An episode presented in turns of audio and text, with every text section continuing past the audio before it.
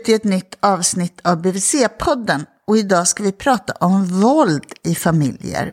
Eh, hur påverkar det barn? Hur vanligt är det? Och eh, hur kan man få reda på, hur kan man se och förstå att familjer inte har det bra och att våld förekommer?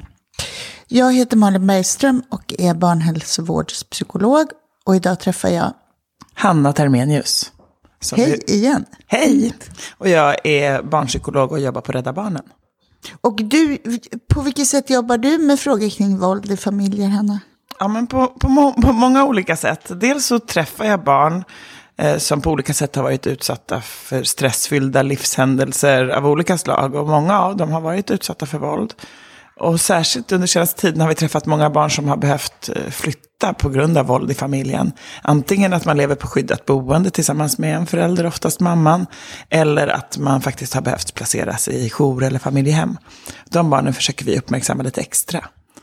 Sen jobbar jag mycket med att föreläsa, metodutveckla, tänka hur ska vi få barn utsatta för våld att bli sedda lite mer i samhället och vad kan vi göra för att de ska få det bra. Du, vad är, hur vanligt är det?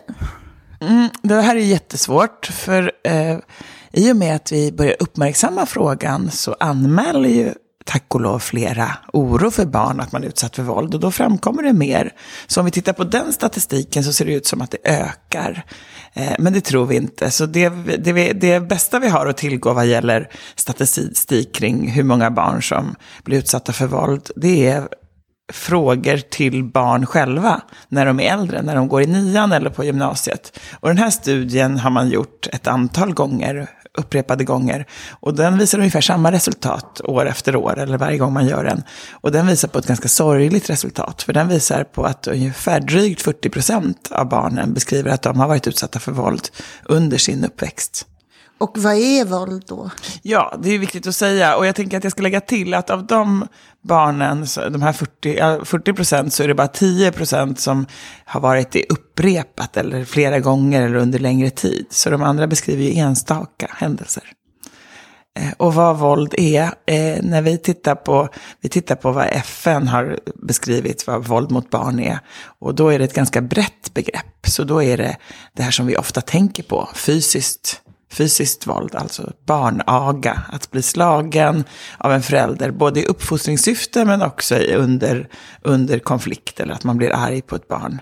Så att då kan det vara slå, dra i håret, knuffa hårt, men också sådana här andra fysiska bestraffningar som att bränna eller göra illa barn på annat sätt. Sen har vi psykiskt våld, vilket kan vara att man säger väldigt allvarliga saker, väldigt mycket hot och så mot ett barn. Men det kan också vara att stänga in ett barn eller låsa ut ett barn eller utsätta ett barn på så vis. Och sen har vi den tredje kategorin i det sexuella våldet, alltså att utsätta barn för olika typer av sexuella övergrepp. Och de här övergreppen kan ju ske i och med att ett, ett, en vuxen eller ett, någon som är betydligt äldre utsätter barnet kroppsligen, att man gör saker mot barnets kropp eller barnets privata delar. Men det kan också vara att man tvingar barnet att göra någonting på den vuxna. Det är också sexuellt våld. Och vi försöker också att titta på det som sker faktiskt på nätet och så. Att det är också att utsätta barn för sexuellt våld. Sen har vi en, också en, en, en, en kategori som är viktigt att hålla kvar. Det är när barn upplever våld i, i nära relation. Alltså det som man har kallat för bevittna våld. När barn ser en vuxen som blir allvarligt misshandlad eller som blir utsatt för fysiskt våld. Då är det också att bli utsatt för våld. Och det är när man, när man har frågat elever i årskurs 9 om de har varit med om det här under uppväxten, då är det de här sakerna som de rapporterar. Ja. Och, och det, som, det som kanske rapporteras vanligen och som, som man frågar tydligast efter, det är det fysiska våldet. Och då kan det vara både, både i, i hemmet och i, i skolmiljö eller fritidsmiljö. Men det är av någon vuxen. Det är inte det fysiska våldet det är mellan, mellan barn. Nej. För då, kom, då tänker jag att vi kommer upp i en högre siffra. För det får vi komma ihåg att, att det här med att göra, göra illa varandra, det är också en naturlig del av sorglig men naturlig del av barndomen. Att man, att man knuffar en kamrat eller blir knuffad eller nyper ett syskon eller drar i håret. Och det betecknar man inte som våld mot barn. Du, det, det, det du säger är ganska allvarliga saker. Eh, och 79 fick vi en lag som förbjöd barnaga, det vill säga att man fick inte slå barn eller man fick inte göra barn illa i uppfostringssyfte eller överhuvudtaget. Alltså på samma sätt som man inte får slå till varandra som vuxna heller.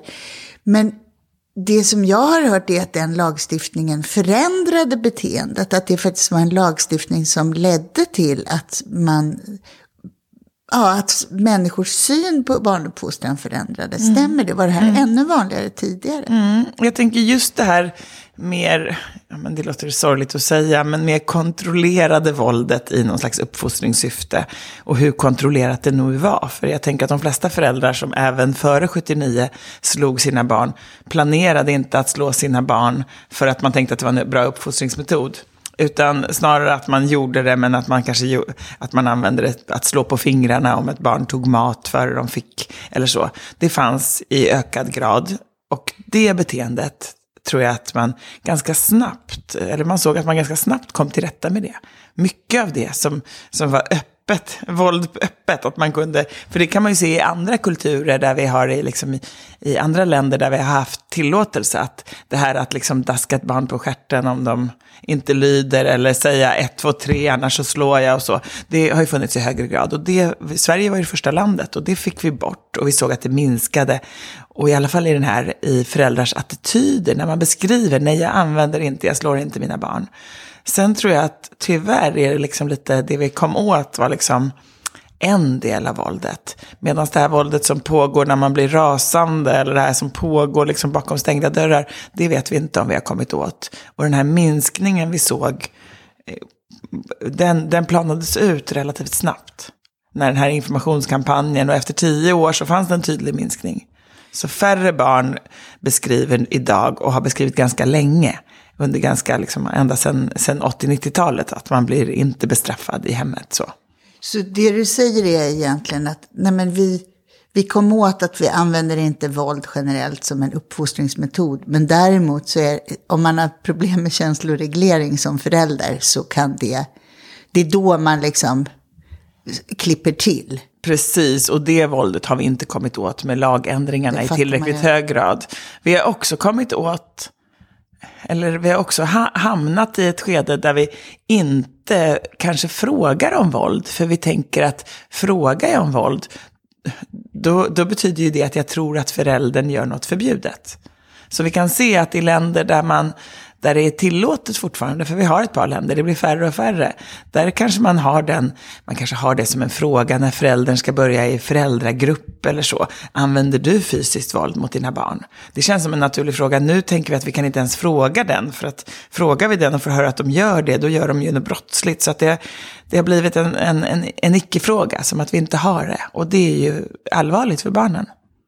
Ja, just det. Och det, men det, det låter ju också som att när man frågar det så frågar man om någonting som folk är medvetet. Och det, det våld som du pratar om nu, det är egentligen någonting som du sa bakom stängda dörrar. Det är något som man kanske skäms för. Och... Mm, mm, så tänker jag. Och den gränsen har blivit mer svartvit eftersom vi har den här lagen. Sen är jag verkligen, jag välkomnar verkligen den här lagen som har funnits nu. Jag tycker det är otroligt fint och att vi hoppas att den också får Eh, får mer kraft som lag. För just nu är, har den inte så mycket kraft som lag.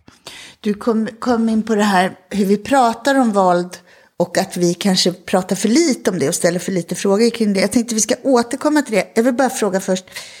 Eh, du sa att eh, i det här FNs våldsdefinition så ingår det att se våld hemma. Att ens mamma blir slagen av ens pappa. Det är också eh, att utsättas för våld mm. som barn.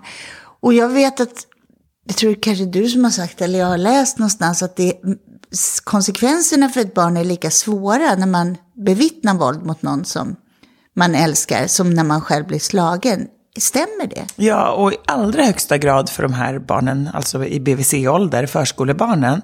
För, för, och där tänker jag att det till och med blir större symptom när man bevittnar att någon, någon nära slår en annan som är nära en. Eh, och det här har att göra med anknytning och hela trygga basen. Att det viktigaste för, en, för ett litet barn det är ju att känna att det finns någon som är större och starkare och som kan skydda mig när, när jag mår dåligt. Och får man bara det, att man har den känslan av att det finns någon som tröstar, tröstar mig återkommande på ett regelbundet sätt, så, så klarar man sig ganska bra, även fast man kanske skulle utsättas för något. Jag tänker inte att man ska slå barn för den sakens skull, men, men det här att det finns någon som kommer hjälpa mig och skydda mig i, till varje pris. Men när den vuxna blir slagen, då blir det ju verkligen det som äventyras. Och betyder det då att om jag är liten och helt utelämnad till min förälders omhändertagande och så blir den här föräldern angripen och attackerad och kan inte stå för det där längre. Då skulle det vara negativt också därför att min tillit till min mamma som blir slagen eh, försvinner eller mm. påverkas av det. Vi vet att i de stunder som man blir slagen, både under och efter, så är det liksom ett mänskligt beteende att man inte är så fokuserad på relationsskapande. Utan det, det mänskliga är ju att vara liksom, eh, fokuserad på överlevnad. Så att kroppen går igång, all, allting går igång. Och att man faktiskt inte som, som vuxen som blir slagen eller vuxen som slår har koll på barnet. Så att vi har inte de här naturliga anknytningssystemen påslagna just när vi blir utsatta för våld. Och det här blir jätteskrämmande för ett barn.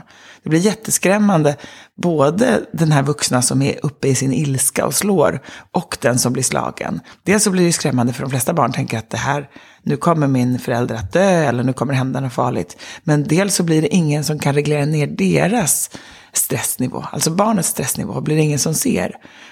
Och där har vi jättesorgliga siffror på att de flesta vuxna som hamnar i konflikter hemma när små barn är med, de upplever och tror och tänker att barnet inte har varit med. Att barnet har legat och sovit, eller att det här var barn som inte såg, de var på sitt rum, de lekte. För att de har inte kunnat ha fokus på vad barnet gjorde. Så i deras liksom, upplevelse som är helt adekvat och helt realistisk, så har inte de märkt att barnet har varit påverkat. Men om vi tittar på det i detalj, så ser vi att barnen har ofta varit mitt i konflikterna. Och en, ja, en del barn, redan små barn, har försökt skydda sin vuxna eller försökt faktiskt gå på den andra vuxna som slår på olika sätt. Eller skydda ett syskon eller så. Så barnen går igång i sina system och försöker göra det de kan.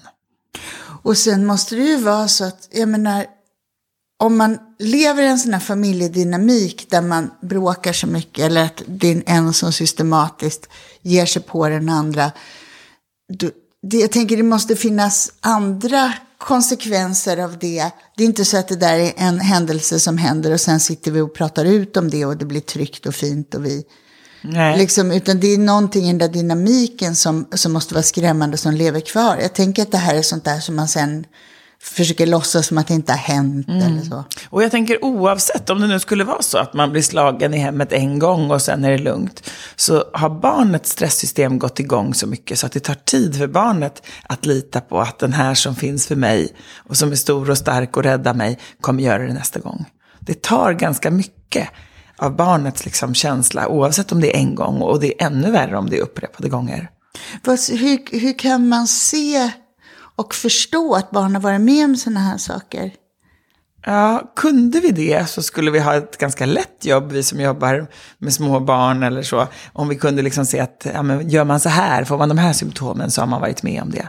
Så det viktiga, tänker jag, både när vi ska få vuxna och, och, och berätta att deras barn har varit utsatta för det här, eller att i vår familj är vi utsatta för det här.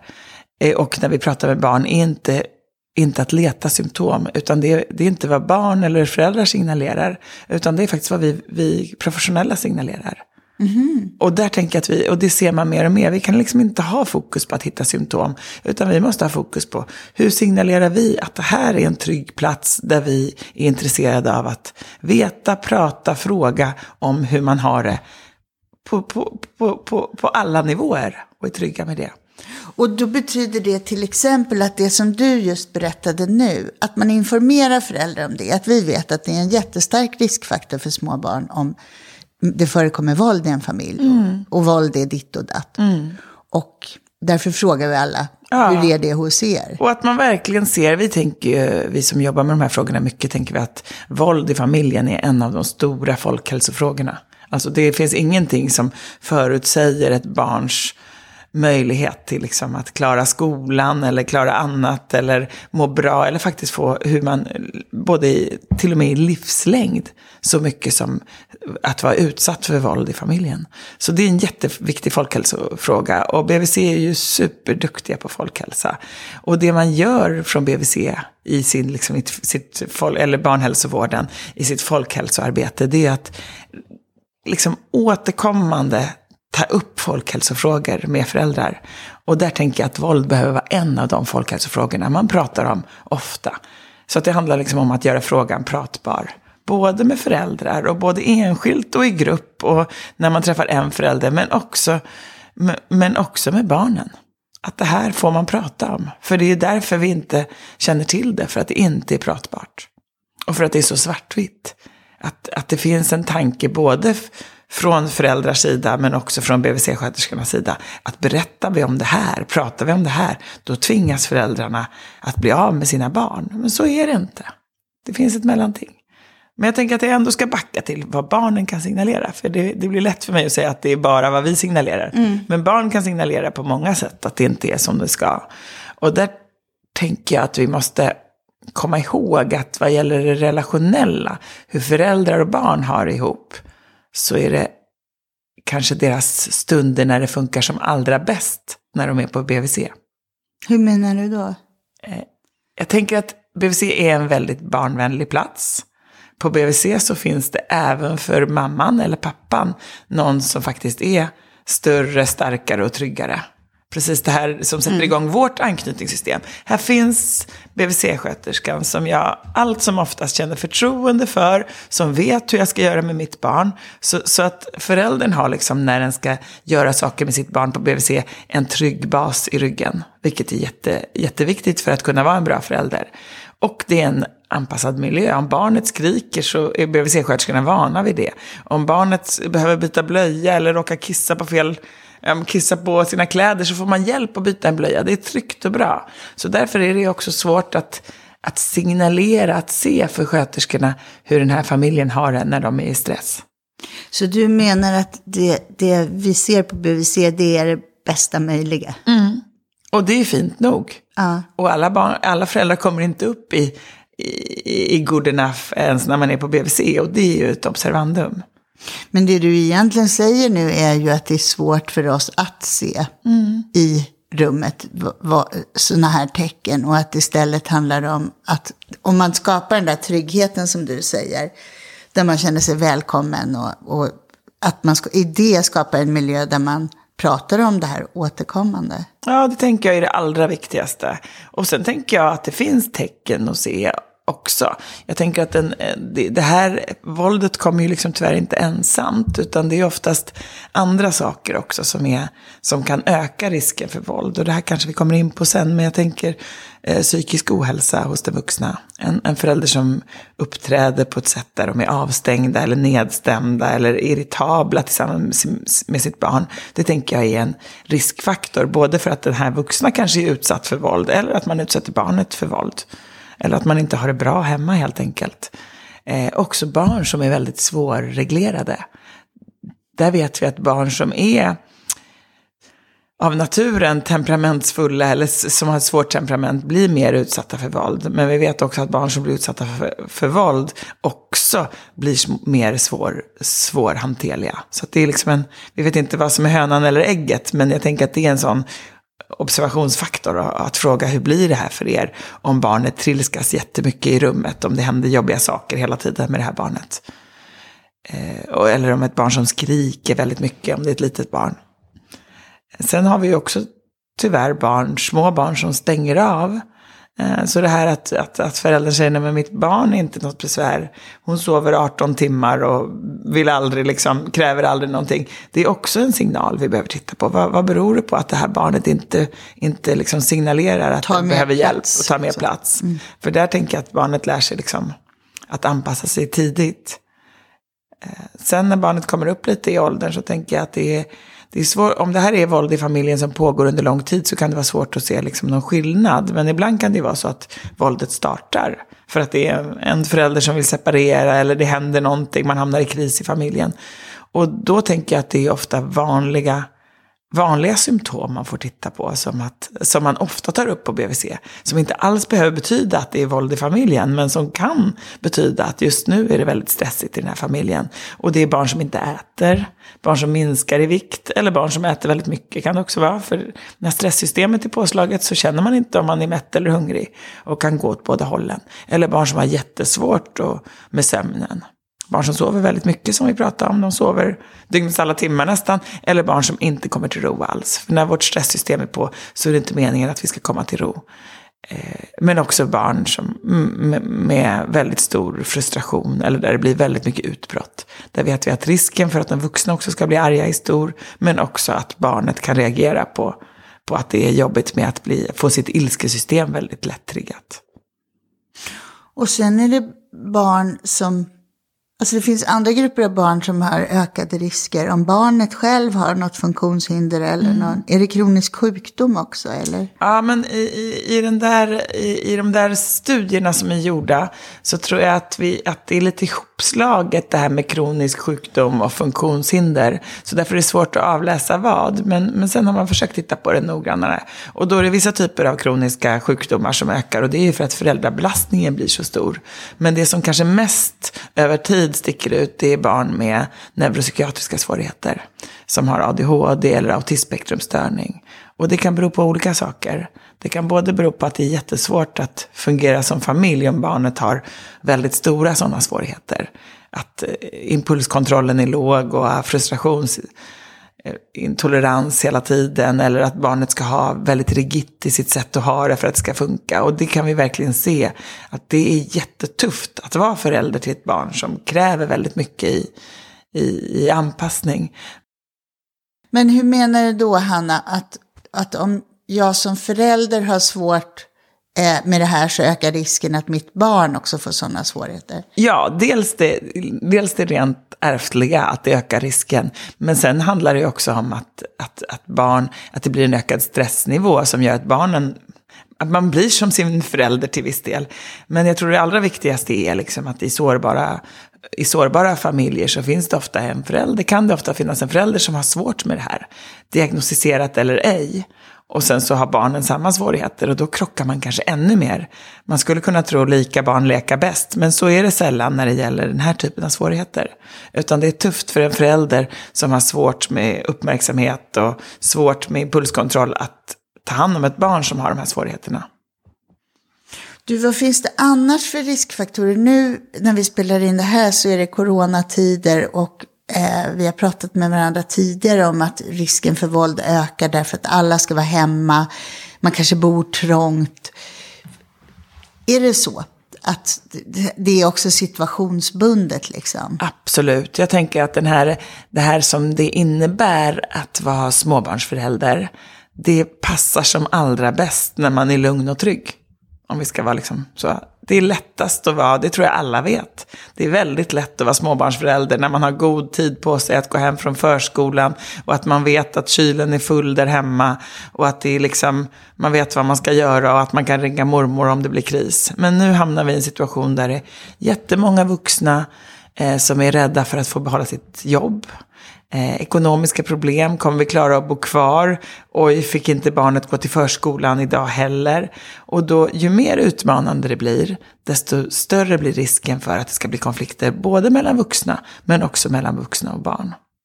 Och är det så, är det där riskfaktorer som är även i andra tider? Att, om, att liksom ekonomisk press, eh, utsatt social situation, bristande nätverk, trångboddhet. Mm. Är det riskfaktorer för våld? Ja, och, och där kanske vi inte kan, där vi ska titta på samband så måste man ju kanske titta på några mellansteg där.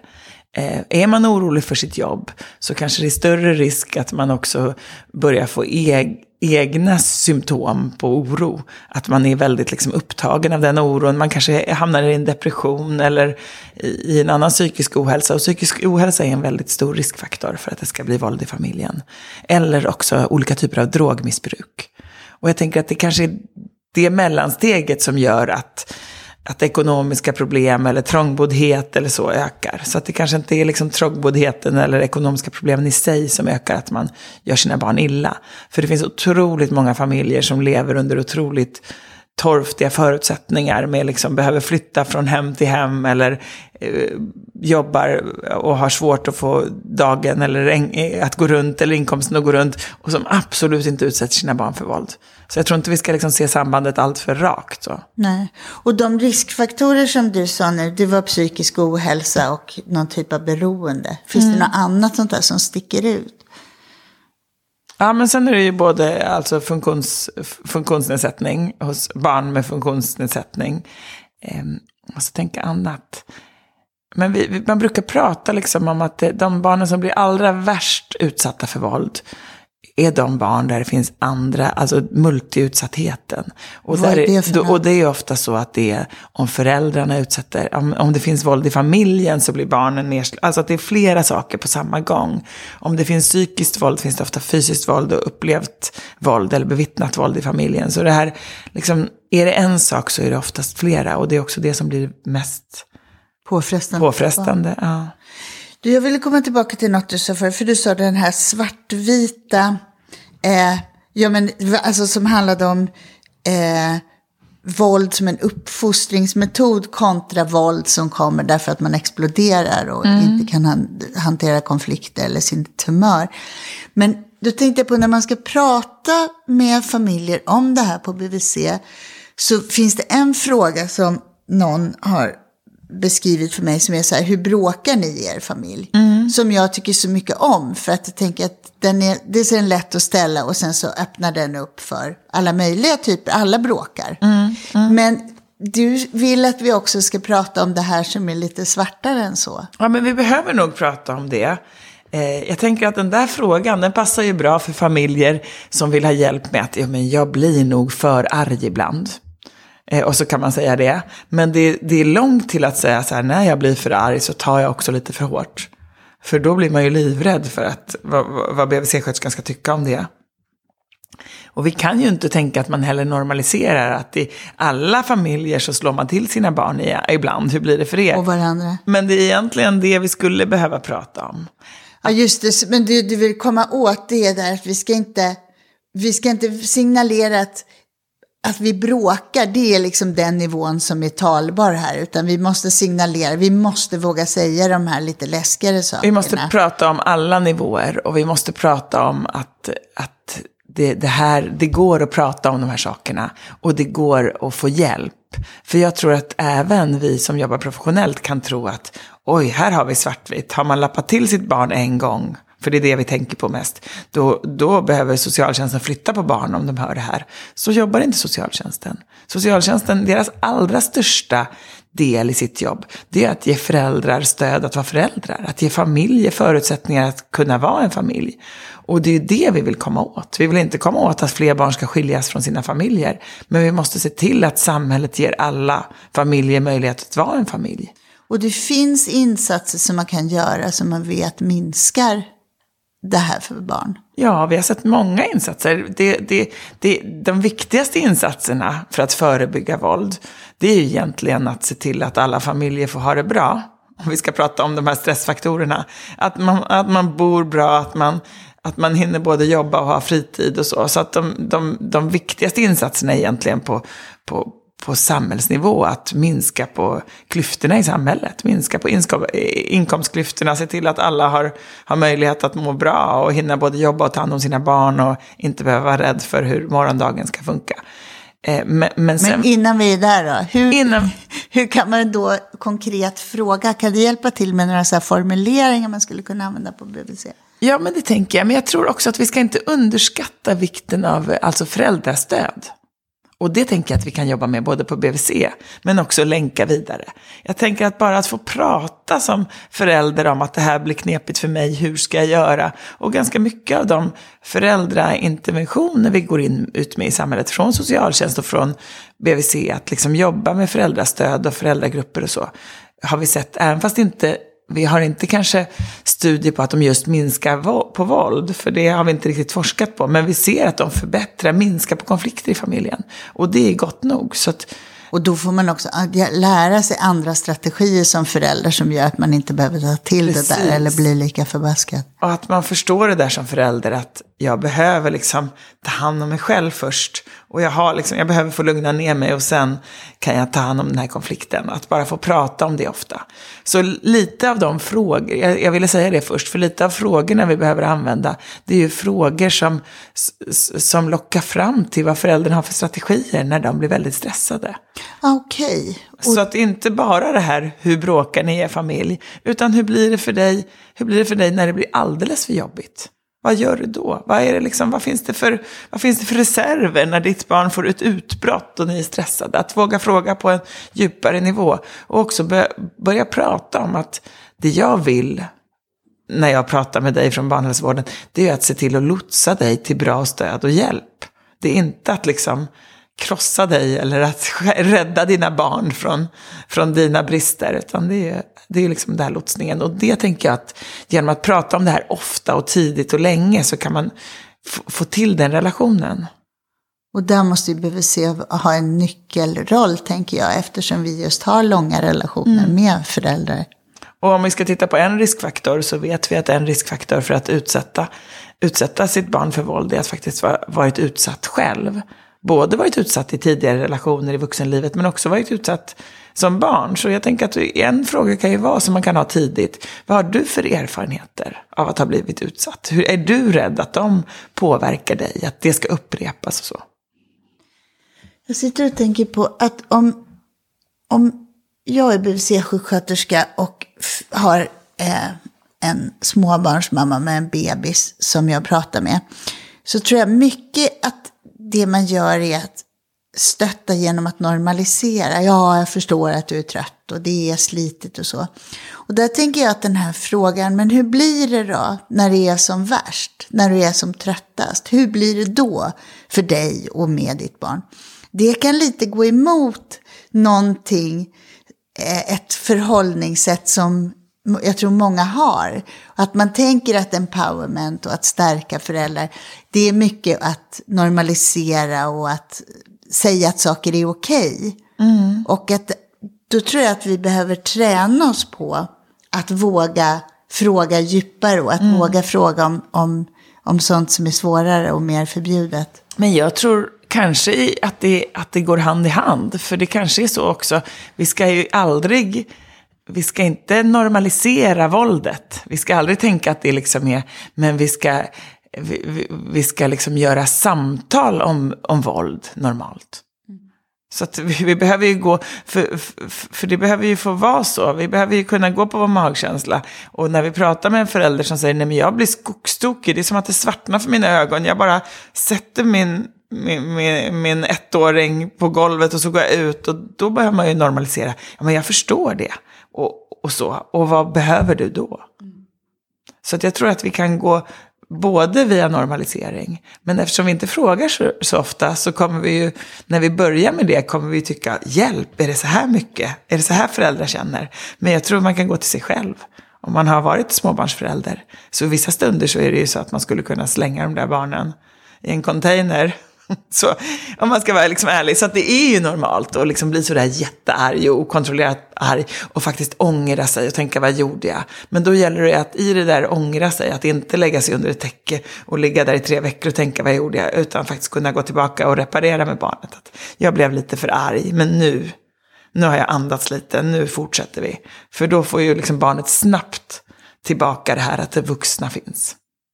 Du, jag måste bara fråga en gång till. För att jag tänker att det måste ju finnas en rädsla och en oro som hindrar oss från att våga fråga, ställa de svåraste frågorna. Alltså hur blir det när det är riktigt jobbigt då? Vad gör du då? Mm. När, det, när det brakar ihop totalt, vad händer då?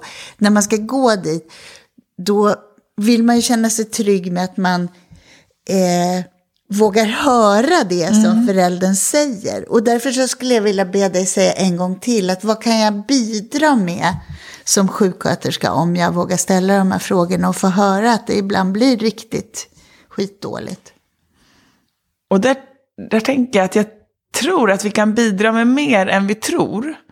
Eh, dels så kan vi bidra med att säga att det där låter jättetufft. Vi måste verkligen hitta strategier för just dig som gör att du inte blir tokig av att känna sådär? Hur ska vi liksom vara? Och där tänker jag att ibland handlar det om att hjälpa föräldern tillbaka om det finns ett eget nätverk, att faktiskt ta mer stöd av sitt nätverk. Och det här jobbar ju BVC mycket med att tänka, nej men vad kan du, hur kan du be om hjälp? Hur kan du få till den där sömnen som du behöver? Och så.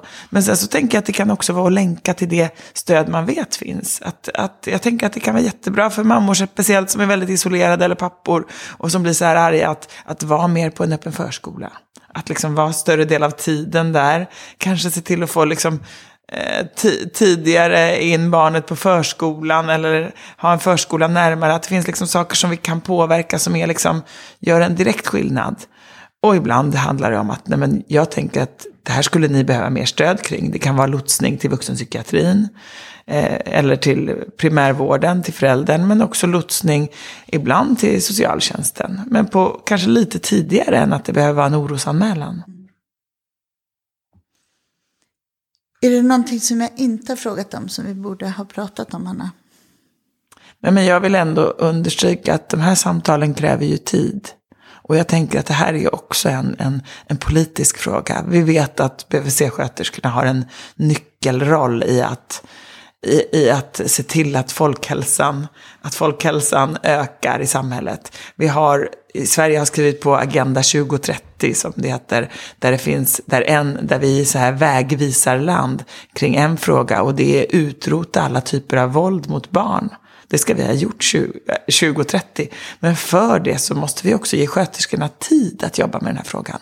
Det tar tid att ha det här samtalet. Man kan inte ställa frågan när man vet att det sitter en, en och väntar som ska in om fem minuter. Utan man behöver få lite tid. Så tid och kunskap och också stöd som sådana här enheter som jag jobbar på kan stå för, tänker jag. Ja. Bra samverkan med socialtjänsten så att man känner sig trygg med dem. Mm. Okej, vi har en del att göra då på tio år till 2030, men mm. vi men jag tycker att faktiskt, jag träffar ju BVC-sköterskor i olika delar av mitt jobb och jag tycker att det är många som är på gång. Det är många som tänker så här och gör så här. Så känner jag också, det här rör på sig i hela Sverige. Mm. Absolut. Mm. Tack för idag Hanna. Tack. Så bryter vi ut från det här avsnittet.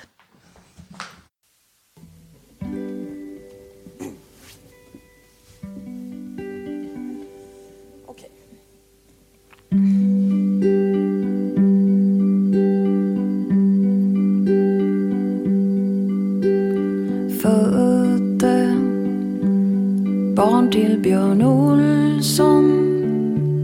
Solen bröt fram precis när mitt barn kommit ut. Låg i en pöl av svett och blod. Barnmorskan sa, jag såg din spelning på Luleå kulturhus. Hörde fåglarna sjunga om vår. Har alltid velat känna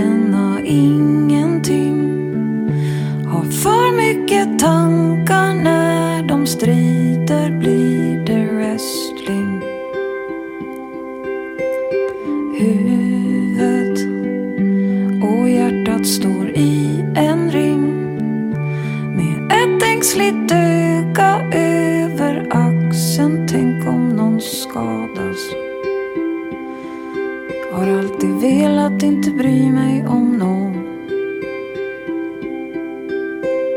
Sen du kom ser jag hur bladen knoppas, löven faller. Jag är ett av dem. Det är ingen ångest, jag inser jag också ska multna och allt tillhör dig ser himlen åter bli grå.